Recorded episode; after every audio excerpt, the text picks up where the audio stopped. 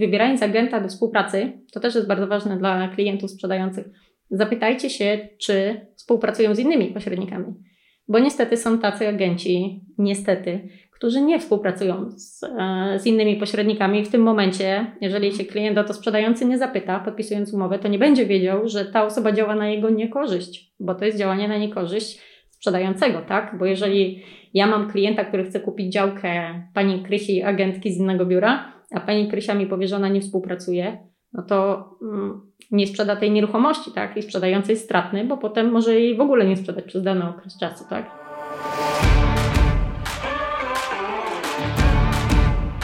Słuchasz podcastu Inwestowanie w mieszkania, odcinek 5. Z tej strony Kasia Gorzędowska. W tym odcinku porozmawiamy o pośrednictwie, a także o prowizjach i na co zwracać uwagę kupując mieszkanie oraz jakie błędy popełniają inwestorzy i jak znaleźć dobrego pośrednika. Do tej rozmowy zaprosiłam Monikę Lisiak, agentkę nieruchomości i właścicielkę biura pośrednictwa House Agent. Monika działa jako pośrednik na wyłączność. Co to znaczy? To za chwilę o tym posłuchacie. I przeprowadza klienta przez cały proces sprzedaży czy zakupu nieruchomości. Ukończyła studia podyplomowe z pośrednictwa w obrocie nieruchomościami i posiada licencję pośrednika. Ma szeroką wiedzę dotyczącą rynku nieruchomości, którą dzieli się tworząc ciekawe edukacyjne treści na YouTubie, Instagramie, a także TikToku. Ale o tym też opowiemy. Z Moniką poznałam się przez Instagrama, a następnie okazało się, że nasi synowie trenują w tym samym klubie piłkarskim. Nie mam przypadków. Notatki do tego odcinka znajdziesz na stronie inwestowaniewmieszkania.pl. Zaczynamy!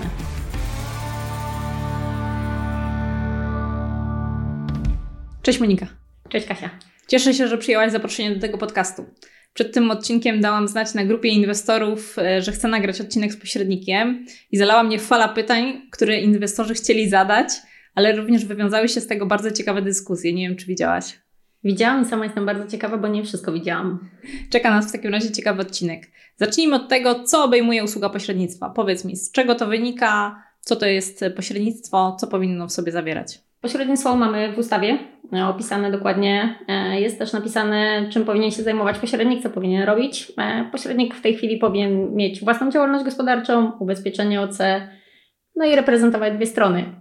Kiedyś było napisane, że pośrednictwo polega na tym, żeby skojarzyć tylko dwie strony i dużo agentów tak robi, że zajmuje się tylko skojarzeniem dwóch stron a według mnie jest to szersze pojęcie i więcej powinno się robić, ale myślę, że o tym porozmawiamy pewnie za chwilę. Mhm. To jest y, ustawowo, tak? Tak jak mówisz w ustawie o gospodarce nieruchomościami jest to zapisane.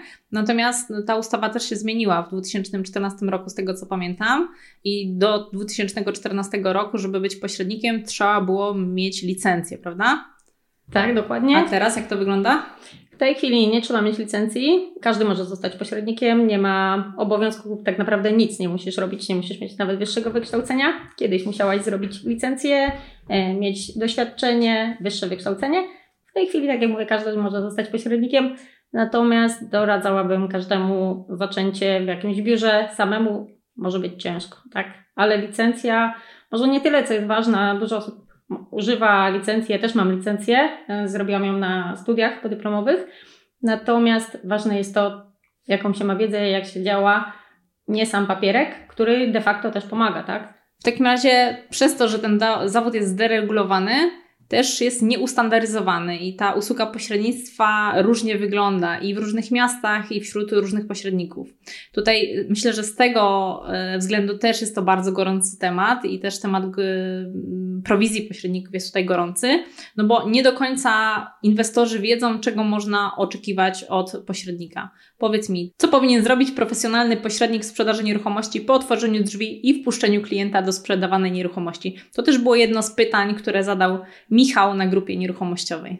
Tak, e, widziałam to pytanie i ono mnie trochę zaskoczyło, bo dla mnie to było oczywiste, ale po tym pytaniu domyśliłam się, że jednak to nie jest e, standard na rynku nieruchomości. Ja powiem na swoim przykładzie i jak uważam, że powinno to wyglądać i jak ja to robię, tak? Czyli jak umawiam się z klientami, no to po wejściu do mieszkania zawsze klienci muszą pokazać mi dowód osobisty, tylko tak zwaną kartę e, odbioru adresu, my to tak nazwaliśmy, czyli podpisują to, że byli w tym mieszkaniu, nic więcej. I RODO oczywiście. Nie ma tam żadnej umowy na sprzedaż ani nic takiego, jak niektórzy pośrednicy wiem, że niestety tak robią. Ja mówię niestety, bo uważam, że to nie jest, e, tak nie powinno tak wyglądać. To jest tylko karta odbioru adresu, że ja wiem, że ta osoba była w tym mieszkaniu, ponieważ ja odpowiadam za to wszystko, co jest w mieszkaniu, tak? Mhm.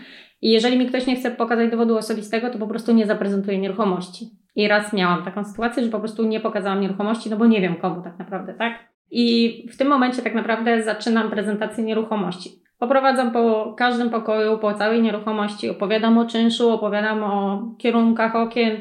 Jeżeli ktoś się pyta, to z czego są zrobione ściany, kiedy były wymienione instalacje, tak naprawdę o wszystkim opowiadam, co jest związane z nieruchomościami. Jaki jest stan prawny, czy są jakieś zadłużenia, jak wygląda, jeżeli jest księga wieczysta, jak wygląda księga wieczysta, jeżeli są jakieś płatności, jakieś inne rachunki albo cokolwiek takiego, to też o tym mówię.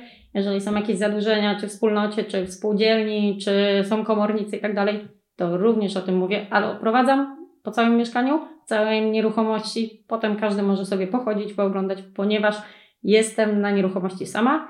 Na moich prezentacjach nie ma właścicieli. Zawsze to ustalam z właścicielami podczas podpisywania umowy, że ja prezentuję, bo wtedy osoby wchodzą i czują się swobodnie, tak? Ale nie są, nie jest tak, że otwieram tylko drzwi e, i sobie chodźcie, a ja wam nic nie mówię. Nie, oczywiście, że nie. Pokazuję całą nieruchomość, oprowadzam wszystko, mówię wszystkie informacje. Jeżeli mam jakieś pytania dodatkowe, to odpowiadam na nie. Często się zdarza, że wyciągają listę z pytaniami, ale jak wyciągają listę, to już odpowiedziałam na większość z tych pytań, które mieli, tak? Mhm. Czyli wpuściłaś e, klientów, e, opowiedziałaś o mieszkaniu. Wcześniej oczywiście musiałaś zrobić research, tak? Bo musiałaś sprawdzić dokumenty tego mieszkania, księgę wieczystą i tysiąc innych rzeczy. E, klienci obejrzeli, decydują się na zakup nieruchomości i co dalej? Tak, dokładnie. Ja zawsze sprawdzam stan e, nieruchomości, stan prawny, no bo trzeba wszystko wiedzieć, trzeba wszystko wyprostować, żeby ktoś nie kupił e, z jakąś powiedzmy niespodzianką, tak? Są różne sytuacje. Trzeba przeczytać akt notarialny, bo nieraz się zdarza, że w akcie notarialnym może być wpisana służebność, której nie będzie w księdze wieczystej. E, miałam też taki przypadek, że była służebność, właścicielka się rozwiodła z mężem i zapomniała o tym, że jest służebność przy sprzedaży domu, tak? Więc musiałam załatwiać to, żeby on podpisał E, przy, wiemy, jak jest po rozwodzie, no nie każdy żyje dobrze ze sobą, więc ja musiałam też to załatwić, tak? E, więc tak naprawdę robię wszystko od początku, czyli oprowadzam, opowiadam, sprawdzam stan prawny, rozmawiam z klientami, a potem prowadzę negocjacje, jeżeli jest ktoś zainteresowany. I to jest zawsze ze mną, za moim pośrednictwem nie spotykają się dwie strony. To też są pytania często od klientów, czy następne spotkanie będzie z właścicielami. Nie, nie ma spotkań z właścicielami, po to właściciele mają mnie i tak samo kupujący ze mną współpracują, że ja to załatwiam. Tak jest czasami lepiej, nie widzą się, nie denerwują się, nie odbierają czasami źle, bo e, są klienci, którzy potrafią powiedzieć coś specjalnie przy nieruchomości, że jest coś brzydkiego, coś źle zrobionego, a Polacy bardzo odbierają to personalnie, tak? Bo 60% Polaków jest związana e, emocjonalnie z nieruchomością. No i zdarzyłoby się, zdarzyły się przypadki, że jakby coś powiedzieli, to słyszałam o takich przypadkach na rynku, że po prostu ktoś wypraszał albo nie dochodziło do sprzedaży. Mi jak ktoś coś powie, czy jedna, czy druga strona, to ja to przekażę, ale przekażę to w takiej formie, żeby nie zabolało drugiej strony, tak? Więc no, chodzi o to, że ja tutaj działam tak, żeby było jak najlepiej dla dwóch stron, żeby jedna i druga strona była zadowolona. Tak? Mhm. Czyli jesteś takim buforem pomiędzy dwoma Dokładnie. stronami. Dokładnie. Dobra, strony się dogadały już też co do ceny i co, co w takim razie dalej robisz? No to dalej, mm, jeżeli jest to klient gotówkowy, kupujący jest gotówkowy, no to proszę, żeby wybrał notariusza, tak? Jeżeli e, wybierze notariusza, to mi podaje tylko dane tego notariusza i ja już się z nim kontaktuję z tym notariuszem. Ani jednej strony, ani drugiej tak naprawdę mm, nic nie interesuje, ja załatwiam wszystko. Ewentualnie strona kupująca mówię, jakie dokumenty są potrzebne, co jest potrzebne, i oni załatwiają, jeżeli oni nie mogą, to ja załatwiam. Czasami jest tak, że no, czy przy pandemii, czy ktoś jest za granicą, bo mam też klientów, których nigdy nie widziałam na oczy. No, sprzedaje mi nieruchomości, rozmawialiśmy albo przez Whatsappa, e, albo na kamerkach i sprzedaje im nieruchomości tak naprawdę załatwiam dokumenty, więc ja robię wszystko, ustalamy tylko, kiedy mamy wszystkie dokumenty, ustalamy termin aktu. No jeżeli jest klient kredytowy, no to albo przekazuję doradcę, albo sami załatwiają kredyt i robimy umowę przedstępną, potem sprzedaż. To jest uzależnione od danej sytuacji, od tego, co jest, tak? Mhm. No i czy trzeba coś wyprostować w dokumentach, tak? W którym momencie Twoja praca się kończy? Moja praca kończy się? Ona się praktycznie nie kończy, może tak? Ostatnim takim punktem, gdzie najczęściej się spotykamy wszyscy, to jest przekazanie mieszkania, kiedy ja przyjeżdżam z dokumentami, z drukami do wypełnienia, bo to też robię. E, przekazuję mieszkanie, wypełniają druki, a potem jestem cały czas do ich dyspozycji, do klientów jednej, drugiej strony, dzwonią do mnie, pytają się, bo mają różne nieraz sprawy. Zapraszają mnie na kawę, to też jest bardzo miłe do klientów, mm, żeby zobaczyć, jak zrobili remont albo coś. Tak samo polecają mnie i dzwonią, że chcą coś sprzedać, mm, że mnie komuś polecili albo coś. Więc nie kończy się. Mhm. Czyli jesteś do momentu przekazania nieruchomości drugiej stronie, ale bardzo często jeszcze współpracujesz dalej przy innych tematach. Tak, tak. Nie tylko nieraz e, wysyłamy sobie życzenia i również cały czas jesteśmy w kontakcie, tak. Mhm. Jedno z pytań, które się wtedy na grupie też pojawiło, to było pytanie Michała W. Jak dużo pośrednik może ogarnąć? Czy tylko skojarzyć strony, czy na przykład zrobić jakiś podstawowy due diligence nieruchomości? I trochę o tym już powiedziałyśmy, że jest dużo rzeczy, które pośrednik powinien y, sprawdzić przed y, przekazaniem nieruchomości dalej, przed pokazaniem. Ale jakbyś mogła tak pokrótce powiedzieć, jakie są najważniejsze rzeczy, które trzeba sprawdzić przy zakupieniu mieszkania? Co mogę doradzić przed, e, przy zakupieniu nieruchomości, mieszkania? To przede wszystkim, jeżeli kupujecie, to dowiedzcie się, jaki jest stan prawny nieruchomości. Mm, czy są jakieś zadłużenia, jeżeli jest księga wieczysta? Jeżeli nie ma księgi wieczystej, jest na przykład mieszkanie spółdzielcze, czy jest możliwość założenia tej księgi wieczystej? Bo pamiętajcie, że jeżeli kupujecie na kredyt i nie ma mm, księgi wieczystej, no to nie dostaniecie kredytu, tak? Nie będzie można kupić mieszkania na kredyt. Musicie sprawdzić, mm, jakie są opłaty tak naprawdę, czy nie ma właśnie jakiejś służebności, żeby się nie okazało, że kupujecie mieszkanie, w którym jakaś babcia, czy jakiś dziadek, którzy jeszcze żyją, czy ktokolwiek inny ma możliwość mieszkania dożywotnie, bo kupicie z tą osobą, jeżeli tego nie sprawdzicie i notariusz też, jeżeli by nie sprawdził, tak? Mhm. I z tą służebnością, to wystarczy tylko księgę wieczystą sprawdzić? Nie, nie, nie. Często jest tak, że w księdze wieczystej nie ma wpisanej służebności, trzeba przeczytać akt. Trzeba mhm. poprosić ten akt albo poprosić notariusza, jeżeli się na tym nie znacie, czy jakiegoś pośrednika, przeczytać, jak tam jest wyraźnie napisane, że jest na przykład przeważnie jest to służebność dożywotnia, tak? Tak, wynikająca z jakiejś darowizny, prawda? Tak, dokładnie. Tak to jest i faktycznie dużo osób o tym nie wie, że ta służebność nie tylko będzie w księdze wieczystej, ale może być po prostu w akcie notarialnym i to dość często się zdarza. Także dokładnie. dobry pośrednik też przejrzy ten akt notarialny. Oczywiście, no, gdyby nie przejrzał, to pewnie notariusz to zauważy, powinien zauważyć, powinien. ale to dopiero się dowiemy, będąc już na akcie notarialnym najczęściej, a nie w momencie, kiedy rozważamy zakup tej nieruchomości. Czyli ten stan prawny sprawdzamy, sprawdzamy wszystkie opłaty. Co jeszcze? Tak, opłaty.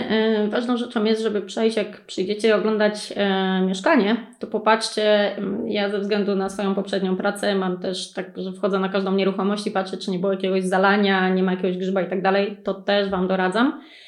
Sprawdzajcie, jak wejdziecie, no jeżeli był grzyb i to jest świeża sprawa, no to będzie czuć, tak? E, ale nie zawsze jest czuć. Patrzcie tam, gdzie są grzejniki, gdzie są firanki mm, w rogach, popatrzcie, czy nie ma jakichś zalań, jakichś pęknięć. Wiadomo, no pęknięcia mogą być od tego, że budynek osiadał, tak? Mhm. Ale jakichś konkretnych takich rzeczy. Co jeszcze? No przede wszystkim te prawne rzeczy, tak? No i opłaty i czy wszystko jest ok, tak? I mhm. przede wszystkim jeszcze dowiedzcie się, ilu jest właścicieli i czy wszyscy chcą sprzedać, bo to, że ktoś wystawia ogłoszenie, to nie znaczy, że, że wszyscy właściciele chcą sprzedać. To też jest taka sytuacja może się zdarzyć, tak? Jasne.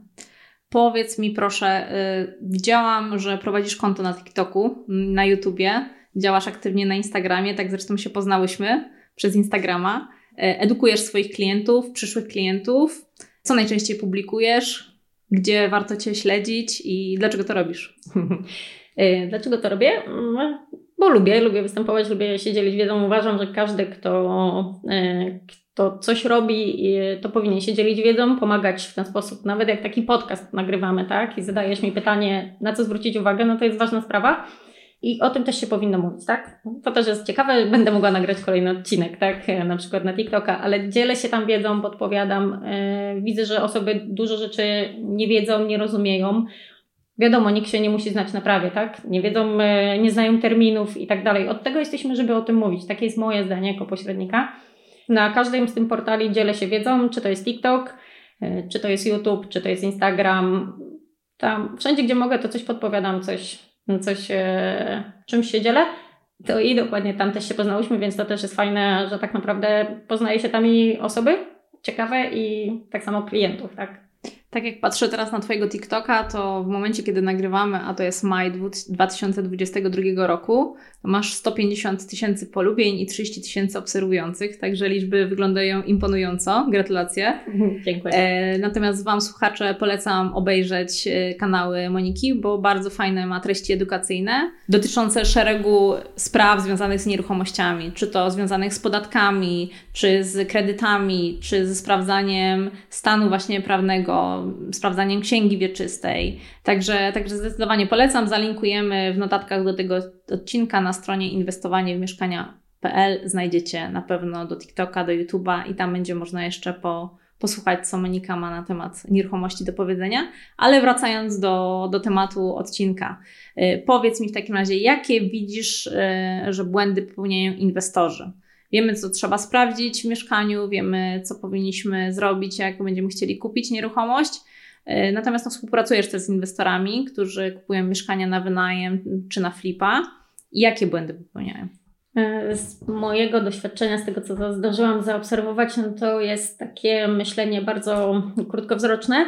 Mm, e, takie jest moja, taka jest moja obserwacja, czyli tylko tabelka się liczy i nic szerzej. Natomiast e, większą rzeczą, którą, na którą zwróciłam uwagę, to jest to, że nie potrafią wyobrazić sobie danej nieruchomości.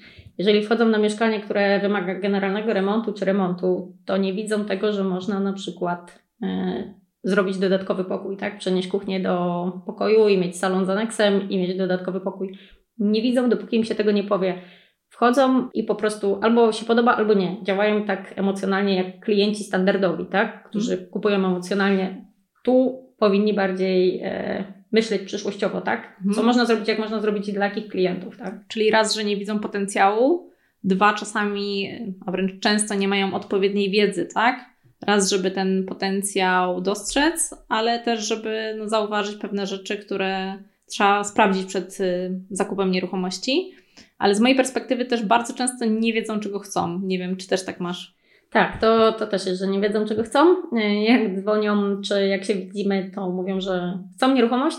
Y, najlepiej jak najtaniej i w dobrej lokalizacji, ale to tak nie działa. Szczególnie nam jako pośrednikom, no to trzeba powiedzieć dokładnie, co się chce, jak się chce i przede wszystkim dla kogo to ma być pod jaką inwestycję, bo to też jest bardzo ważne, tak? Mhm. Jeżeli ktoś mi mówi tylko tak ogólnikowo, czyli widać, tak jak mówisz dokładnie, że nie wie, czego chce, no to ja też nie wiem, czego on chce. Mhm. I to jest takie szukanie w ciemno. Jeżeli ktoś bardziej by usiadł, zastanowił się, czego szuka, dla jakiego klienta, albo nawet jeżeli się nie zastanowi, tylko powie, pod jakiego klienta, to ja już jestem od tego, żeby poszukać odpowiedniej, mm, odpowiedniej nieruchomości ale musi wiedzieć, czego chce. Mhm. Dokładnie tak jak mówisz. Z tego względu my też za, w którymś momencie swojej inwestorskiej y, drogi zajęliśmy się też y, robieniem gotowców inwestycyjnych i remontowaniem mieszkań na gotowo, bo też współpracowaliśmy z inwestorami, którzy chcieli kupić nieruchomości. Czyli byliśmy tutaj dla tej strony kupującej y, pośrednikiem, można by powiedzieć, takim wsparciem. Natomiast właśnie było dokładnie to, o, czym mówisz, czyli nie widzieli tego potencjału, nie mieli odpowiedniej wiedzy, nie wiedzieli też do końca, czego chcą.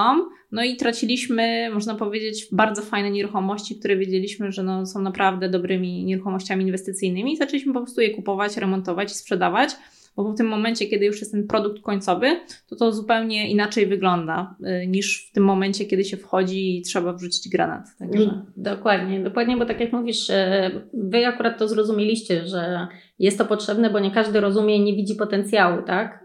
Znaleźliście tą niszę i to jest super, bo dzięki temu też e, trafiliście do grupy, która właśnie nie potrafiła sobie wyobrazić i, i mogliście sprzedawać. I to jest właśnie też myślę, że to jest duży problem inwestorów, że nie wiedzą co chcą ale z drugiej strony to jest właśnie pomysł też na inwestycje jak dla Was i bo oczywiście zawsze Was polecam y, wszystkim, żeby zrobić gotowy produkt, bo niektórzy się na tym zupełnie nie znają inwestorzy, tak? No to z tego, że mają pieniądze, jeżeli nie wiedzą, co zrobić z przysłowiowym mm. granatem, jak my to mówimy, tak? Mm. Tak, nie znają się, nie chcą się znać, nie mają tak. czasu, mają inną pracę, więc to jakby jest naturalne, prawda? Tak, że... dokładnie.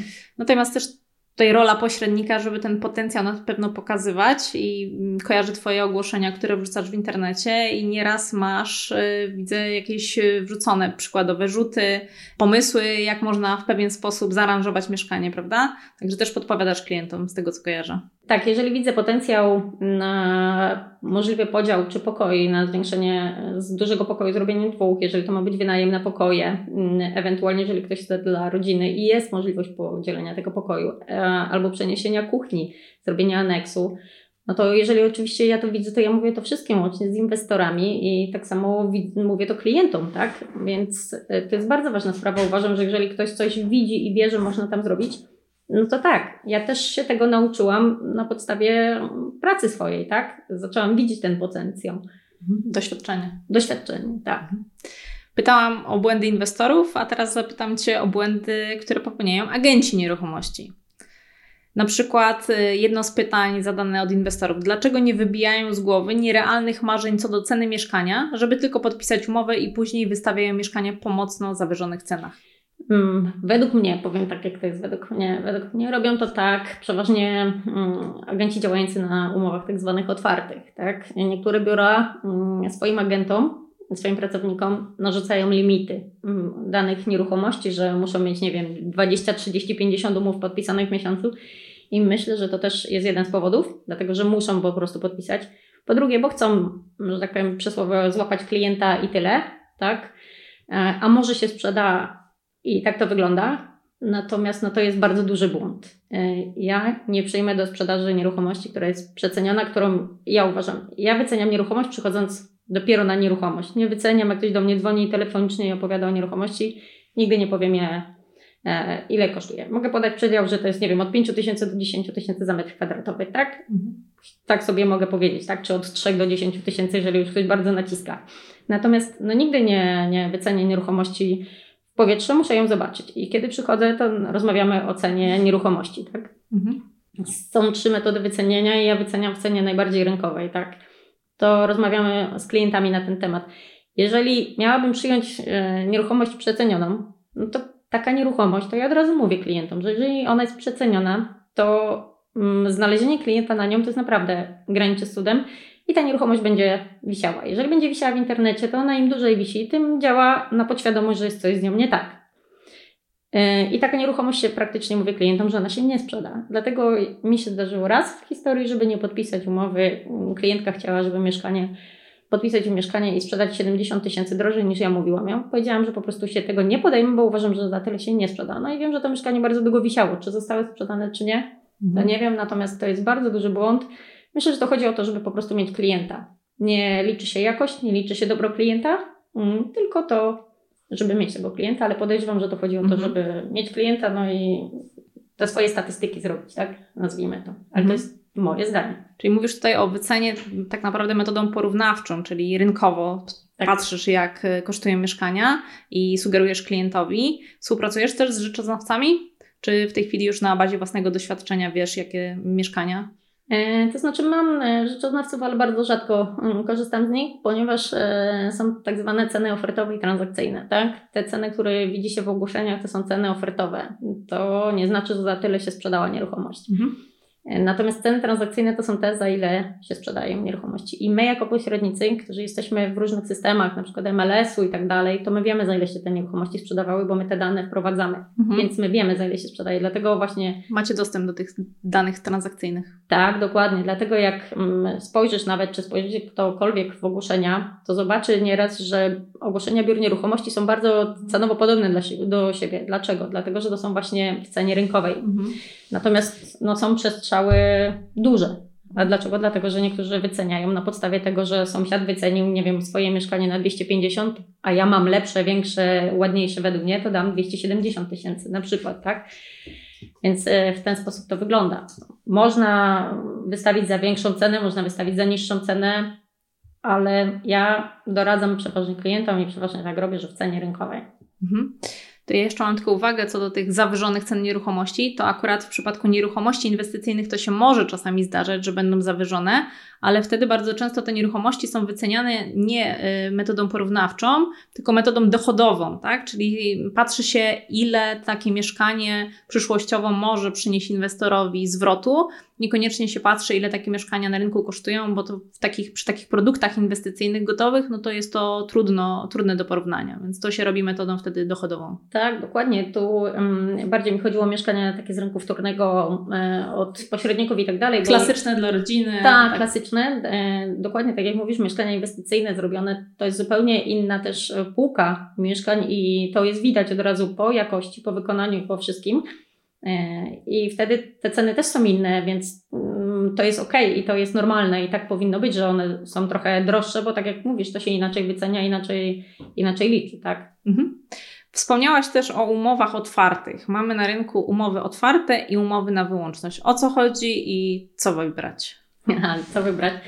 Umowy otwarte są takie, że sprzedający może podpisać umowy z kilkoma czy kilkunastoma biurami, mieć kilkunastu pośredników, może również sam sprzedawać nieruchomość.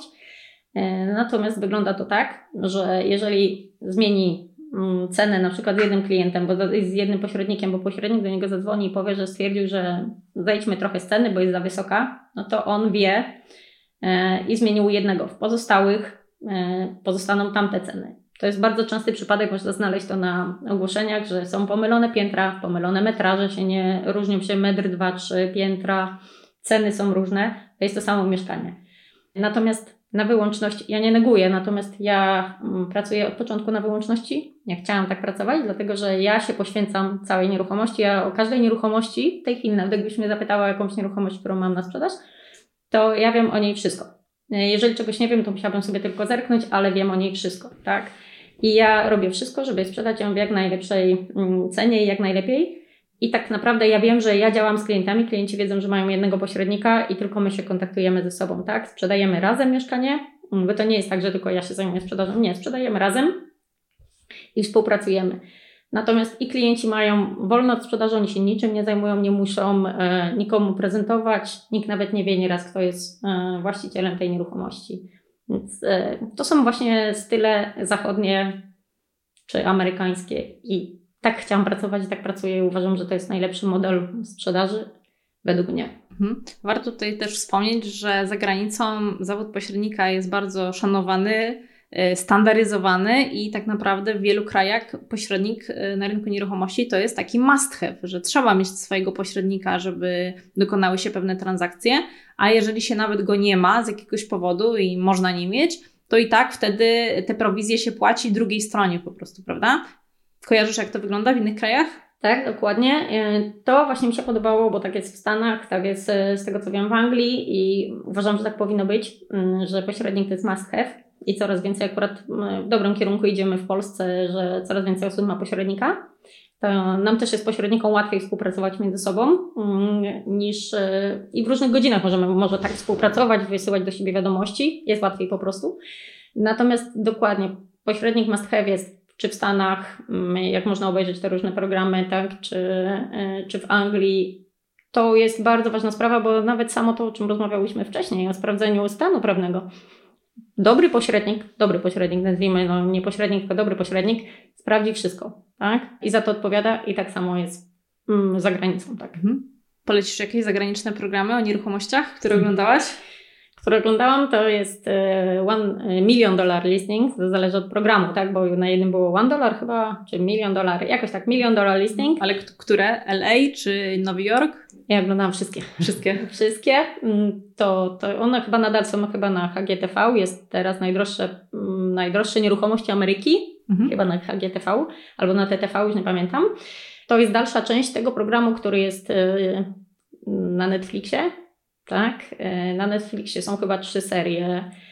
Y, Selling Sunset, o agentkach Stampy i właśnie ten trzeci o nieruchomościach Hamptons. Te mogę polecić. Jak, jak na Netflixie się wpisze, to są, to są bardzo świeże teraz. Mhm. Bajeczne mają tam nieruchomości. Tak, no to jest marzenie sprzedawać takie nieruchomości, tak.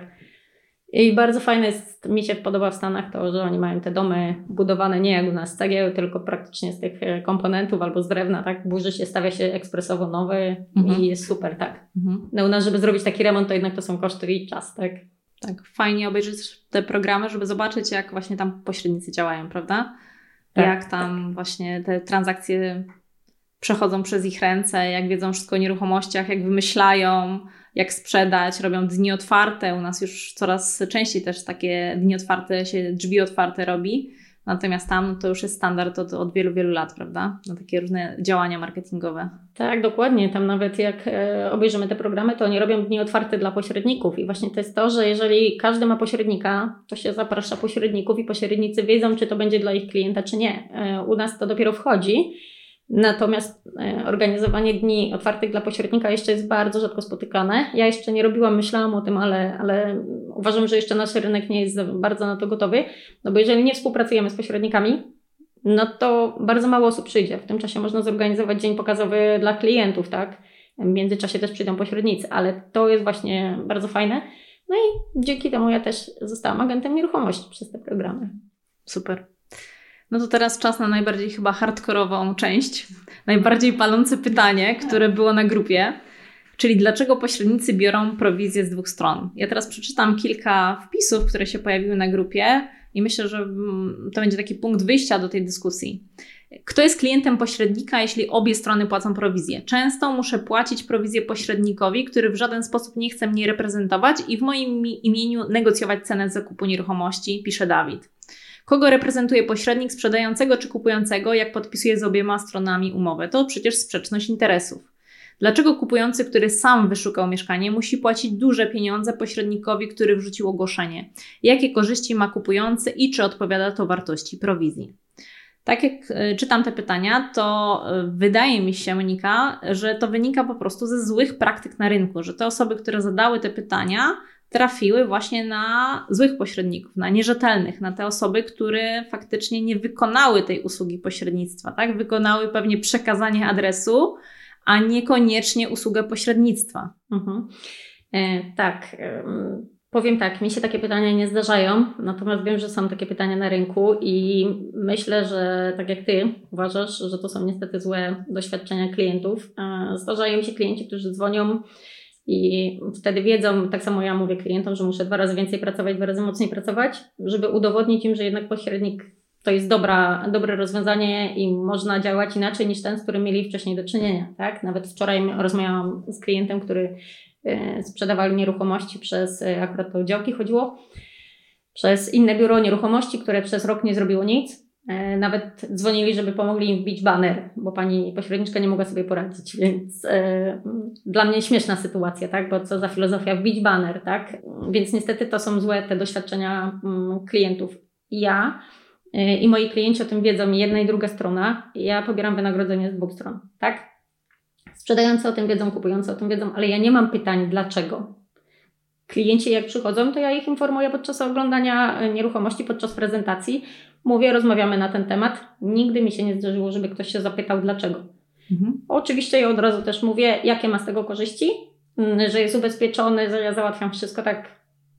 Mówię po prostu klientowi prawdę i mówię wszystko, co, co, co ma, tak, co dostaje ode mnie. Ale nie zdarzają mi się pytania, dlaczego. No po prostu nie, więc. Ja myślę, że to jest powód, że dlatego nie masz tych pytań, bo realizujesz kompleksowo tą usługę pośrednictwa od A do Z a to nie jest tylko przekazanie adresu, które jest bardzo często niestety nadal praktyką rynkową. Mimo, że ten rynek pośrednictwa tutaj przez te ostatnie, jak obserwuję kilka lat, bardzo się poprawił, bo jak my zaczynaliśmy w 2014 roku, no to tutaj ten kontakt z pośrednikami to pamiętam, że był dramat, dramatyczny. Natomiast w tej chwili no, jest naprawdę, uważam, na rynku bardzo dużo fajnych pośredników, z którymi można rozmawiać, z którymi warto współpracować, z którymi którym przyjemnie się płaci te faktury, które wystawiają, bo naprawdę robią świetną robotę. Także my z przyjemnością ze, współpracujemy z pośrednikami, również z takimi, którzy biorą prowizję z dwóch stron, ale wtedy my mamy poczucie, że oni nas również reprezentują. Także te pytania, które tutaj zostały zadane, no niestety wynikają z tego, że no nie trafiły te osoby na pewnie na takiego pośrednika, który kompleksowo by to ogarnął. Tak, no myślę, że tak, bo nawet na moim przykładzie, jeżeli e, ja mam klientów, którzy kupowali ode mnie nieruchomości, to oni do mnie dzwonią. Ja sprzedaję im kolejne nieruchomości albo polecają je komuś z rodziny. Więc to jest dla mnie wielka wartość. I ja powtarzam zawsze, że i to mówię klientom, że dla mnie jest najważniejsze ich zadowolenie. Jeżeli oni mnie będą dalej polecać, czy sami korzystają z mojej usług, czy dzwonią po dwóch, trzech latach, bo takie przypadki też mam i to kupujący, no to widać, że to nie jest dla nich problemem to, że zapłacili wynagrodzenie z dwóch stron, tylko plusem dla nich było to, że musieli czuć się dobrze ze mną, musieli czuć się zaopiekowani, przeszli przez ten cały proces. Ja, ja, wiem, że to jest bardzo ciężki proces, bardzo emocjonalny proces dla jednej i drugiej strony, tak? bo nieraz to jest nieruchomość życia, nieraz biorą kredyt na całe życie praktycznie. Więc y, ja chcę, żeby oni jak najlepiej zapamiętali ten proces, żeby je był jak najmniej stresujący. Ja ich przeprowadzam przez wszystko. Tak naprawdę mówię, co mają zrobić, kiedy mają zrobić, gdzie mają zrobić. Nie, kiedy nie wiedzą czegoś, to dzwonią mi się pytają. Więc no, mówię, dlatego też nie mam takich pytań, tak jak mówisz, no, może dlatego, że ja tak działam, ale dla mnie tak powinien działać pośrednik. Takie jest moje zdanie, tak? W takim razie, jak negocjować cenę mieszkania z pośrednikiem, skoro jego prowizja jest zależna od ceny transakcji? Kupujący płaci pośrednikowi, który tak naprawdę nie reprezentuje jego interesów. To też jest jedno z pytań, które pojawiły się na grupie, i myślę, że tutaj warto też ten temat poruszyć, bo jeżeli pośrednik bierze z tych dwóch stron prowizję, no to tutaj pojawia się takie taka lampka w głowie y, jednej ze stron. W takim razie, dlaczego y, to mnie reprezentuje? Dlaczego pośrednik ma y, chcieć negocjować cenę w moim imieniu, jeżeli faktycznie jemu zależy, żeby to sprzedać jak najdrożej? No to właśnie teraz odwróćmy, odwróćmy to pytanie. Jeżeli pośrednik reprezentuje tylko sprzedającego, no to będzie negocjował jak najwyższą kwotę tylko dla sprzedającego, więc będzie ciągnął mega w górę, nie zwracając uwagi na drugą stronę, tak? Bo będą się liczyły dla niego pieniądze. Dla mnie pieniądze się akurat nie liczą w tym wypadku, to znaczy, żeby to źle nie zabrzmiało. Oczywiście, że się liczą, tak? Ale dla mnie to, co mówiłam już wcześniej, najważniejsze jest zadowolenie klientów i polecanie mnie. Jeżeli ja reprezentuję dwie strony, to ja działam na korzyść dwóch stron. Chcę, e, żeby każda ze stron była zadowolona i chcę ich spotkać po środku. E, znam potrzeby obu stron i robię tak, żeby one były zadowolone i żeby tak jak powiedziałam wcześniej, żeby mogli do mnie wrócić, byli zadowoleni e, i mnie polecali dalej, to jest dla mnie najważniejsza sprawa. Dlatego ja, jak reprezentuję dwie strony, reprezentuję jak najlepiej dla obu stron. To jest do zrobienia i to można zrobić. To jest tylko kwestia tego, jak się działa. Jeżeli się chce, myśli się tylko o pieniądzach, no to nigdy nie będzie się działać ani dobrze dla jednej strony, ani dla drugiej strony. Nie ma znaczenia, czy się reprezentuje kupującego, czy sprzedającego. E, takie jest moje zdanie. Uważam, że to jest uzależnione od tego, czy się myśli przyszłościowo, tak jak ja myślę przyszłościowo, żeby mieć przyszłościowo klientów, dodatkowo polecenia, e, rekomendacje i tak dalej, czy e, tylko, żeby w tej chwili wziąć jak najwięcej i mieć już z głowy, tak. No, według mnie to tak nie działa. Tak? Mhm. Wydaje mi się, że najprostsze rozwiązanie z tą prowizją może być takie, że po prostu można się umówić z pośrednikiem na konkretną kwotę, a nie procent od sprzedaży, prawda? I wtedy w ogóle nie będzie tej kwestii, czy będzie sprzedane drożej, czy będzie sprzedane taniej. Jeżeli ktoś martwi się tą prowizją, to faktycznie niech lepiej się umówi nie na procent z pośrednikiem, tylko na konkretną kwotę. I myślę, że to będzie po prostu rozwiązanie tego tematu. A warto też pamiętać, że ta prowizja z dwóch stron to nie jest nic niestandardowego na rynku, tak? Chociaż wiadomo, że idealistycznie patrząc, super by było płacić tylko jednej stronie, tylko patrząc realnie, kto właśnie wtedy zapłaciłby tą podwójną prowizję, tak? Bo sprzedający na pewno nie. Kupujący Chciałbyś zapłacić podwójną prowizję? No pewnie nie. Natomiast no, za granicą tak to działa, tak? Że właśnie trzeba mieć tych pośredników po obu stronach, a jak nie masz, tak jak wspominałam, to płacisz po prostu tej drugiej stronie. I to jest właśnie ta podwójna prowizja, prawda? Tak, dokładnie, bo oczywiście można się umówić, to też jest bardzo dobre rozwiązanie, można się umówić na kwotę gotówkową i wtedy już pośrednik zna swoją kwotę i E, negocjuję tak naprawdę nie zwracając na to uwagi. Ja negocjuję z dwoma stronami, nie zwracając uwagi na swoje wynagrodzenie, ale jeżeli wiem, bo mam taką umowę, jedną chyba, czy dwie, jedną na pewno w tej chwili, e, której mam ustaloną kwotę, to i tak ja negocjuję nie zwracając na to uwagi, bo no w tym wypadku nie jest dla mnie najważniejsze, za ile ja sprzedam, tak? Bo czy ja sprzedam za 100 tysięcy, czy sprzedam za 200 tysięcy, to mam to samo wynagrodzenie, tak? To już nie jest procentowe. E, więc to też jest bardzo dobre rozwiązanie dla osób, które mają wątpliwości, czy pośrednik będzie ich dobrze reprezentował w ten sposób, mogą podpisać na, na w takiej sytuacji, tak? Myślę, że w ogóle ten temat prowizji pośredników nie miałby miejsca, gdyby ta usługa faktycznie byłaby przez wszystkich wykonywana od A do Z poprawnie, profesjonalnie. Ale ponieważ no, rynek jest jaki jest, no to niestety ci dobrzy pośrednicy też obrywają, prawda? Bo pyta się ich, dlaczego aż tyle. I powiedz mi, Monika, w takim razie, jakie są średnie stawki? Ja wiem, że będą pewnie skrajne, różne skrajności, ale jakbyś powiedziała, ile mniej więcej w tej chwili mamy maj 2022 e, roku? Jakie są stawki pośrednictwa w tej chwili? To jest tak, chodzi Ci o stawki pośrednictwa od sprzedaży nieruchomości czy od kupna? Czy kupnie? I takie, i takie. I takie, i takie. Mów wszystko. No, wszystko, co wiesz. Wszystko, co wiem. E, więc tak, jeżeli chodzi o sprzedaż, mm, to ja się spotkałam osobiście i to była umowa na wyłączność. To też był ciekawy przypadek, yy, aż mnie bardzo zdziwił. Yy, to była umowa na 0%. Jak można pracować za 0%, kiedy, żeby tym bardziej pracując na wyłączności, trzeba włożyć więcej pieniędzy, więcej czasu i więcej wszystkiego, bo trzeba marketingowo do tego podejść, yy, żeby, roz, żeby jak najlepiej pokazać tą nieruchomość w internecie i na wszystkich mediach.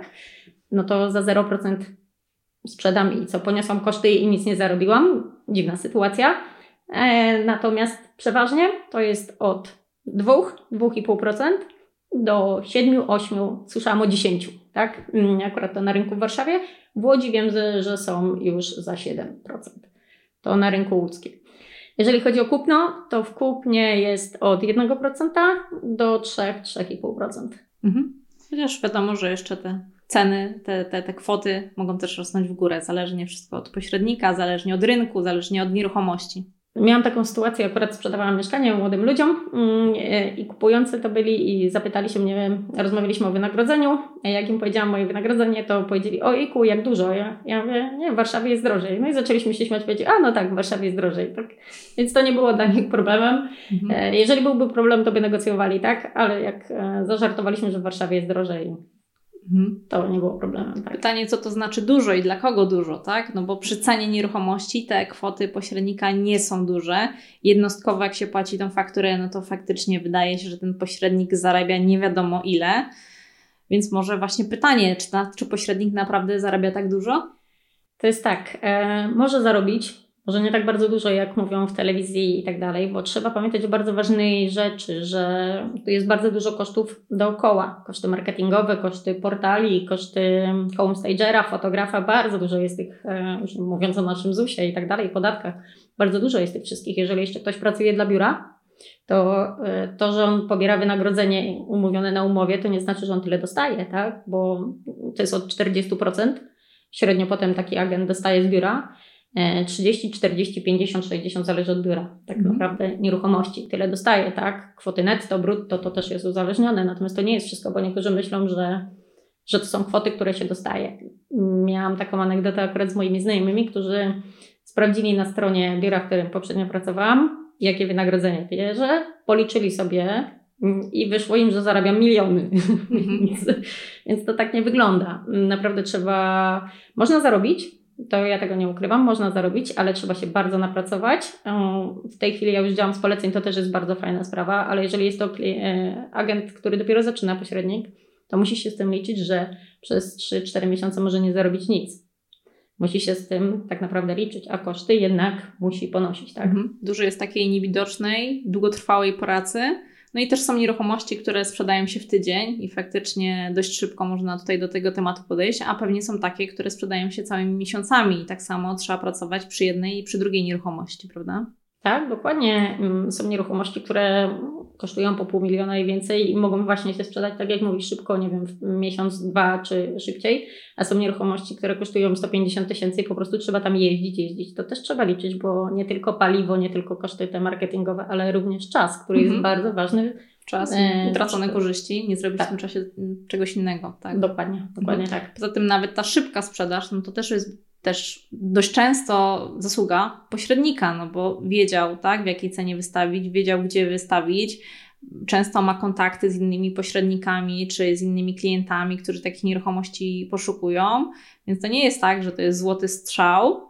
Czasami może tak być, oczywiście, zdarza się, tak, ale często no, to są te właśnie kontakty, ta wiedza, ta praca, która jest y, wykonywana przez dłuższy czas. Tak, dokładnie. Wcześniej też zadawałaś takie pytanie, czy pośrednik jest potrzebny. I jeszcze właśnie jest to, że tak naprawdę współpracując z pośrednikiem, trzeba pamiętać o tym, że pośrednicy dużo ofert wystawiają e, z podlady, sprzedają między sobą, tak? Szczególnie jeżeli to są pośrednicy działający na wyłączność, tak jak ja, to my jesteśmy w tym systemie MLS, czyli systemie biur działających na wyłączność i my te nieruchomości tam dajemy znać, że są. Więc my sprzedajemy między sobą, tylko agenci o tym wiedzą i dają znać swoim klientom. Tak samo y, mamy bazę klientów poszukujących y, i może być tak, że po prostu nasz klient dostanie tą informację o jakiejś nieruchomości szybciej niż gdziekolwiek się pojawi. Ja miałam kilka takich nieruchomości, które w ogóle się nie pojawiły nigdzie, ani na Facebooku, ani nigdzie, tylko szło do grupy i zostały sprzedawane, więc to też jest bardzo duży plus współpracy z agentem bo klienci dzwonią, mówią, że na przykład nie widziałam na ogłoszeniu, tak, bo ja mam dużą sprzedaż przez portale społecznościowe. I tam są na początku wszystkie moje nieruchomości i właśnie na Facebooku czy na Instagramie te nieruchomości tam są i nieraz nie pokażą się na Autodomie ani na żadnym innym portalu y, sprzedażowym, dlatego że już zostają sprzedane. Nie zdążysz wystawić nawet. tak, dokładnie. W takim razie powiedz mi, w jaki sposób można nawiązać długofalową współpracę z pośrednikiem w celu pozyskiwania mieszkań do flipów, do podnajmu? Czyli co inwestor powinien zrobić, żeby znaleźć takiego fajnego, dobrego pośrednika, z którym ułoży się dobrze współpraca? Ja myślę, że tutaj relacje będą grały mm, rolę. Mam takich inwestorów, z którymi współpracuję, którym daję znać e, i oni doskonale wiedzą, a przede wszystkim e, na swoim przykładzie mogę powiedzieć, że e, moi inwestorzy mnie obserwują i oni widzą, że jak ja dodaję jakąś relację o czymś, co ich interesuje, to od razu do mnie piszą. Podeślij mi zdjęcia, podeślij mi, daj mi znać. Wiedzą, że dostaną ode mnie informacje, ale ja nieraz nie zdążę dojechać do domu albo wyjść z nieruchomości, już mam e, wiadomości, tak? Więc e, w ten sposób, że mnie obserwują, tak? Wiedzą. Nawiązaliśmy te relacje. Nie dzwonią do mnie i nie mówią, że oni chcą kupić jak najtaniej, jak będę coś miała, to żeby dać im znać. No bo to tak nie działa. Ja tych numerów nawet nie zapisuję, bo miałabym ich tony i potem nie pamiętam. Nie znam tych ludzi. Nie nawiązują. Mm, ja lubię nawiązywać relacje. Jeżeli ktoś ze mną nawiąże relacje, no to wtedy jest szansa, że jest szansa. No to wtedy tak działamy, że te nieruchomości mu się. My pokazuję mu te nieruchomości, bo wiem, czego tak naprawdę szuka i mówi konkretnie. Tak jak mówiłaś wcześniej, że czasami inwestorzy nie wiedzą, czego chcą. Mhm. No i to jest właśnie to, że jeżeli ktoś czegoś nie wie, co on chce, mhm no to ja też nie będę wiedzieć, tak? Jeżeli ktoś do mnie dzwoni i mówi, że on chce jak najtaniej, e, jak najlepszą nieruchomość w jak najlepszym miejscu, to, to, to co to znaczy tak naprawdę, tak? Tak.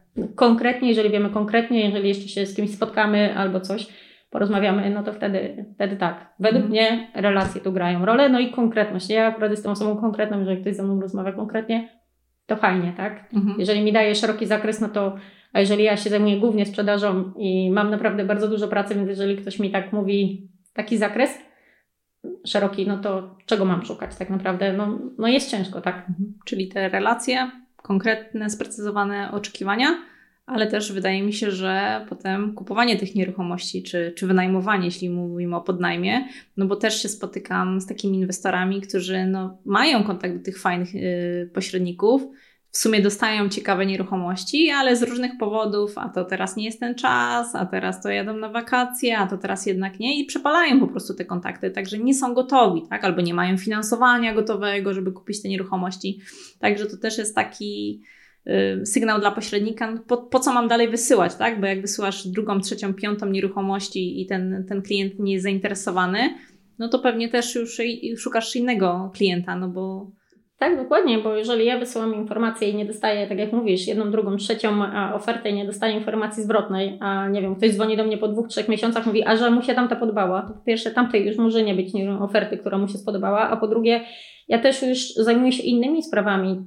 Tutaj też czas, wiemy jaki jest rynek w tej chwili. Tutaj tempo, czas, odpowiedź, cokolwiek, że nie, albo chociaż może nie na każdą, na każdą wiadomość, ale na drugą, trzecią, że jednak to nie to, szukamy dalej. Ale jeżeli by mi powiedział konkretnie też czego szukam, to też byłoby łatwiej. Ale przede wszystkim decyzyjność, tak jak mówisz. Decyzyjność tu ma też duże znaczenie, tak? A gdzie szukać takich fajnych pośredników, z którymi będzie można dobrze współpracować, którzy od A do Z przeprowadzą ten cały proces, któremu się będzie chciało zapłacić tą, któremu będzie przyjemnie zapłacić tą fakturę? Jest co, tak naprawdę no, powinni tak wszyscy działać, ale gdzie szukać Gdzieś na rynku, tak. No mnie już znacie, już poznaliście, tak. Kasia, już mnie Przypomnij Monika, gdzie działasz? gdzie działam? W województwie łódzkim głównie, ale w całej Polsce. Właśnie ja też sprzedaję w całej Polsce. To też jest e, rzadko spotykane, bo przeważnie jest e, rejonizacja, tak to nazwijmy. E, I niektórzy boją się wyjść. No nie, ja nie mam tego problemu, lubię akurat przy sprzedażach. Natomiast gdzie szukać? Mm, wiesz co, no myślę, że też pytać się innych agentów, zobaczyć z kim ktoś współpracuje, tak? E, ja też mam agentów, z którymi współpracuję, agentów, których w ogóle nie znam, ani jak widzę, jak udzielają się na social mediach i tak dalej, to e, wolę odpuścić, bo, bo wiem, że to nie ma mhm. mm, efektu. A jeszcze jest bardzo ważna sprawa, o której w sumie nie wspomniałyśmy, są agenci, wybierając agenta do współpracy, to też jest bardzo ważne dla klientów sprzedających. Zapytajcie się, czy współpracują z innymi pośrednikami bo niestety są tacy agenci, niestety, którzy nie współpracują z, e, z innymi pośrednikami. W tym momencie, jeżeli się klient o to sprzedający nie zapyta, podpisując umowę, to nie będzie wiedział, że ta osoba działa na jego niekorzyść, bo to jest działanie na niekorzyść sprzedającego, tak? Bo jeżeli ja mam klienta, który chce kupić działkę pani Krysi, agentki z innego biura, a pani Krysia mi powie, że ona nie współpracuje, no to mm, nie sprzeda tej nieruchomości, tak? I sprzedający jest stratny, bo potem może jej w ogóle nie sprzedać przez dany okres czasu, tak? Mhm. Dlaczego pani Krysia nie chce współpracować z innymi pośrednikami? Dlaczego pośrednik może nie chcieć współpracować z innym pośrednikiem? Tego nie wiem, bo tak naprawdę nigdy mi e, pani Krysia ani żaden inny pośrednik, nie śmieje się, e, nie powiedziała. Ale ja mam podejrzenie. Ja e, mogę odpowiedzieć na tak, swoje zadane pytanie. Pewnie pani Krysia ma podpisaną tą umowę pośrednictwa na 0%. Więc ona jak będzie współpracować z innym agentem, no to nie dostanie wynagrodzenia, tak? No bo rozumiem, że w tym momencie jak pośrednicy współpracują ze sobą, no to wtedy każdy bierze ze swojej strony, tak? Tak, właśnie chodzi o to, że pani Krysia, jeżeli przysłowiowo, przysłowiowo pani Krysia nie współpracuje z innym pośrednikiem, to ona bierze na pewno z dwóch stron Mhm. i jeżeli ja przyprowadzę jej klienta, no to ona już od mojego Twojego klienta nie, nie weźmie wynagrodzenia, Mhm. ponieważ ja je biorę, tak? Mhm. Natomiast jeżeli nie będzie współpracowała z innymi pośrednikami, no to wtedy czeka na klienta indywidualnego, z którego będzie mogła mieć wynagrodzenie. I to jest myślenie bardzo krótkowzroczne, bo ja e, pracując, e, pracuję również z innymi pośrednikami i bardzo sobie cenię tę współpracę, mm, dlatego że działamy szybko, działamy, sprzedajemy tą nieruchomość, działamy na korzyść obu stron, tak naprawdę, tak? A Mhm. ja też pobieram wynagrodzenie z dwóch stron i mogłabym, tak jak ona, nie chcieć współpracować z pośrednikami, ale to jest na szkodę klienta. Dla mnie to nie jest, e, nawet ciężko jest to mi zrozumieć tak naprawdę, bo nie działam na korzyść sprzedającego w tym wypadku, tak? Tylko na niekorzyść. Czyli najlepiej byłoby, żeby w Polsce było tak jak za granicą, żeby każdy miał swojego pośrednika, żeby pośrednicy sobie współpracowali. Wtedy każdy ma swoją stronę, płaci swojej stronie prowizji i nie ma w ogóle tych rozmów dotyczących wysokości prowizji, dotyczących pobierania z dwóch stron, współpracy albo nie współpracy, umów otwartych, zamkniętych, tak? Tylko każdy by miał pośrednika i wtedy po prostu te transakcje by szły do przodu.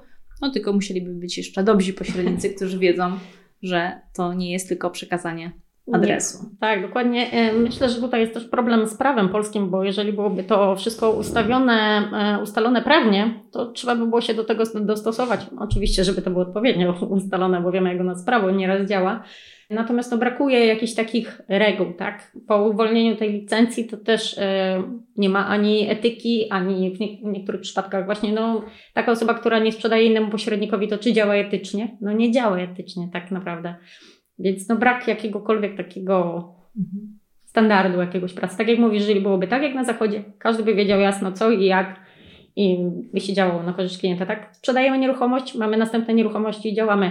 Nie chodzi o to, żeby trzymać nieruchomość e, jako sztukę, dla sztuki, dla formy, tylko po to, żeby działać, sprzedawać, e, czy pomagać kupować i działać dalej i żeby klienci byli zadowoleni, tak? Żeby się działo. Dokładnie. dokładnie. Mhm.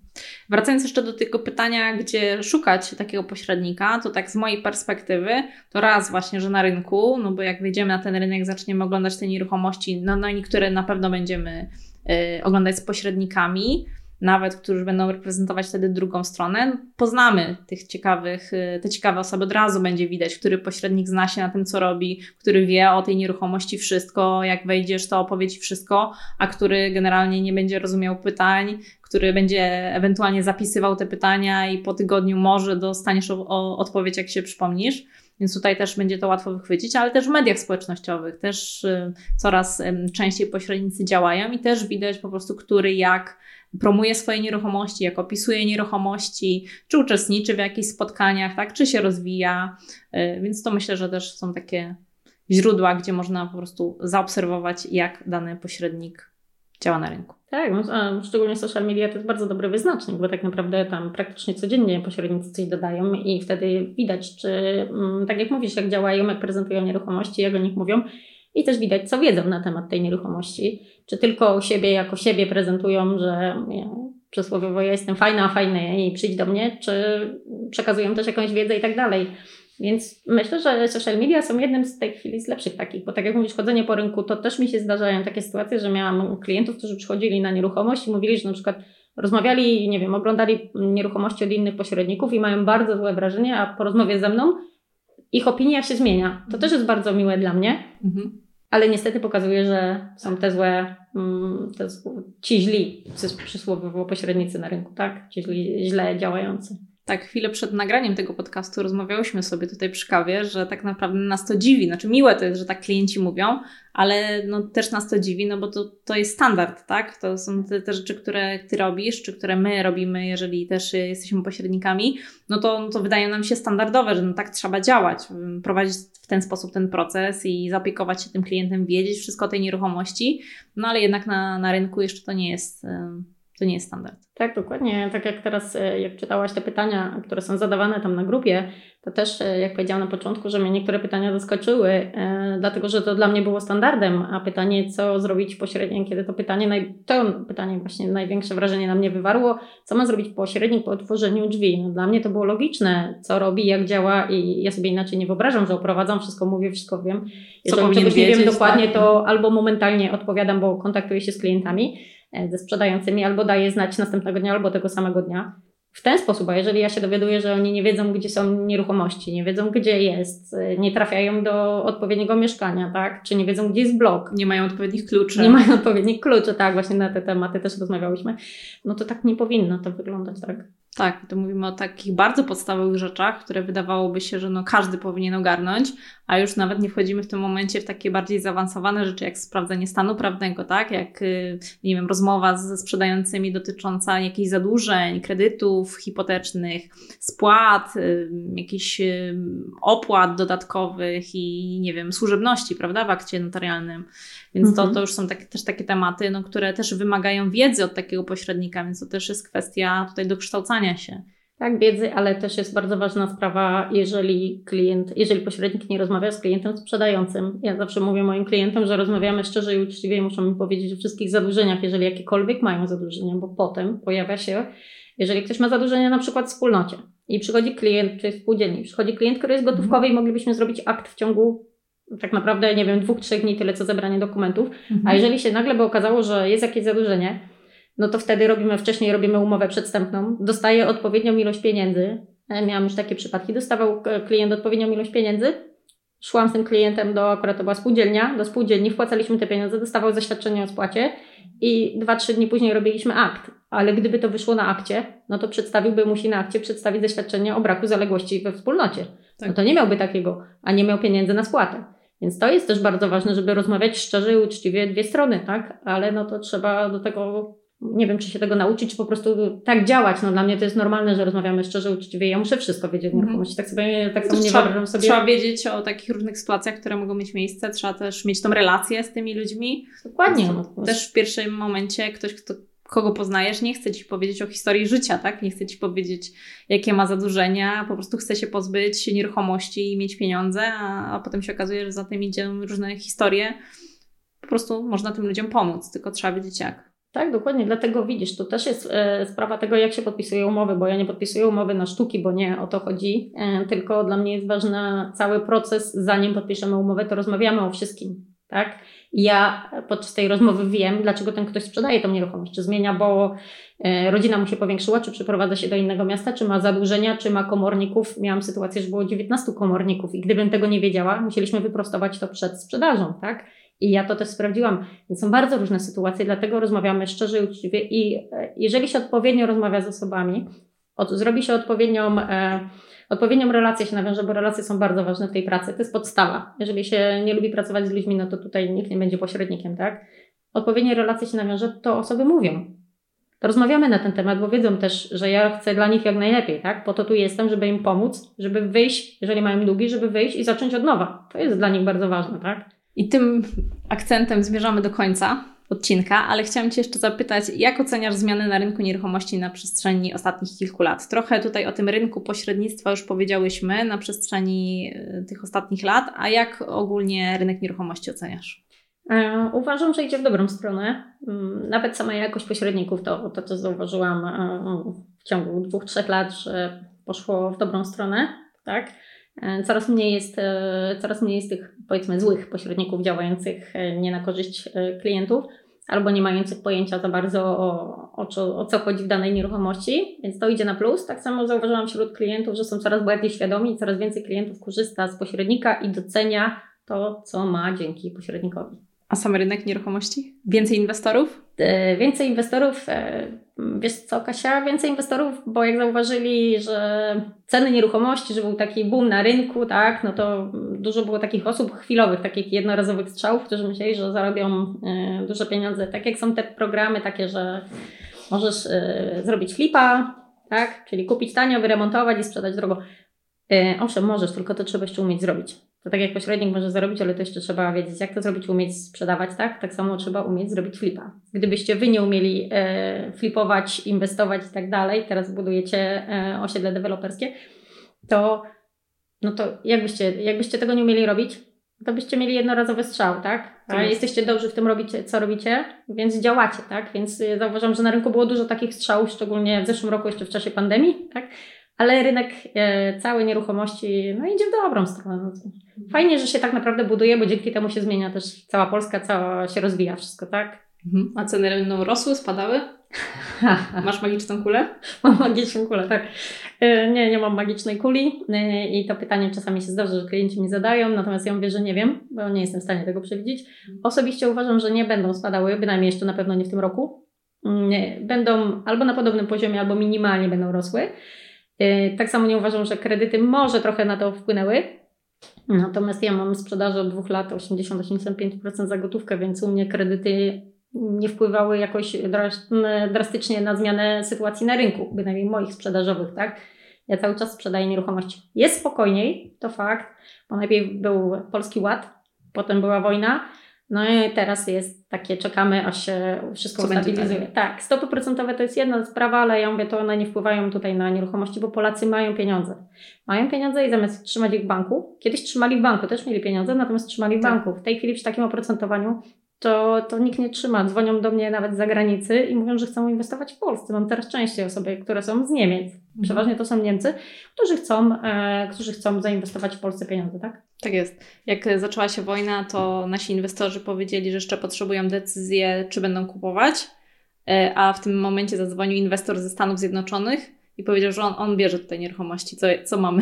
No widzisz, właśnie. Tak, zupełnie, zupełnie inna perspektywa. Tak. A jeśli chodzi o te ceny, to jeszcze chciałam tylko powiedzieć od siebie, że też uważam, że zależy o jakim rynku mówimy. My, my działamy głównie w Łodzi, chociaż wiem, że Ty też działasz no, ogólnopolsko, ale no, tutaj też mieszkasz w okolicach i chyba w najwięcej transakcji, tak? W tej, w tej tak, okolicach tak. Łodzi masz no też uważam, że w Łodzi mamy dość specyficzny rynek, bo tutaj te ceny zawsze były niskie, owszem urosły przez ostatnie lata, ale nadal no to jesteśmy jednym z najtańszych miast wojewódzkich, więc tutaj na przykład w Łodzi o jakichś tam dużych spadkach, no to w ogóle nie myślimy. Jeżeli już, no to pewnie jakieś korekty będą, bo tak rynki wyglądają i są cykliczne, więc wiadomo, że takie rzeczy się zadzieją. Natomiast czy czy i jakie będą spadki albo wzrosty w innych miastach, no to też trzeba patrzeć lokalnie, tak? No bo inna, in, będziemy inaczej rozmawiać o cenach nieruchomości premium w Gdańsku albo w Warszawie, a inaczej będziemy rozmawiać o kawalerkach na przykład w Łodzi, prawda?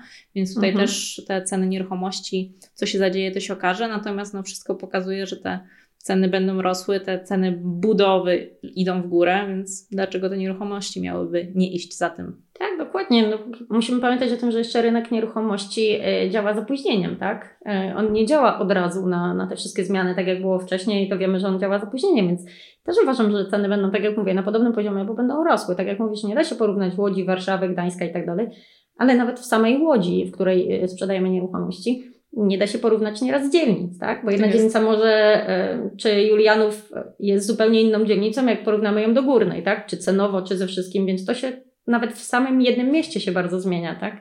A już porównywanie mm, nieruchomości nawet jednego rozmiaru, tak? Czy tam 50-metrowych w Warszawie, w Łodzi, w Gdańsku, czy gdziekolwiek indziej we Wrocławiu, no to no nie da się tak powiedzieć, tak? Tak jest, to było takie specjalne, zaczepne pytanie.